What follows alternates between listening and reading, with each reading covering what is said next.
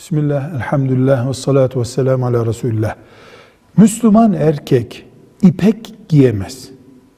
Bedeninde altın nesne kullanamaz. Altın saat, altın yüzük kullanamaz. Erkeğe bu haram. Peki mükellef olmayan erkek çocuk bunları kullanabilir mi? Esasen çocuk, çocuk olduğu sürece haramlara muhatap değil ama şeriatımızın kurallarına çocukken alıştırılması gerekeceğinden çocuk da olsa ipek giydirilmemeli erkek. Altın kullandırılmamalı. Kullanırsa bu vebal elbette çocuğa olmaz ama ona altın saat alan veya ipek gömlek yapan babası annesi kimse vebal ona ait olur.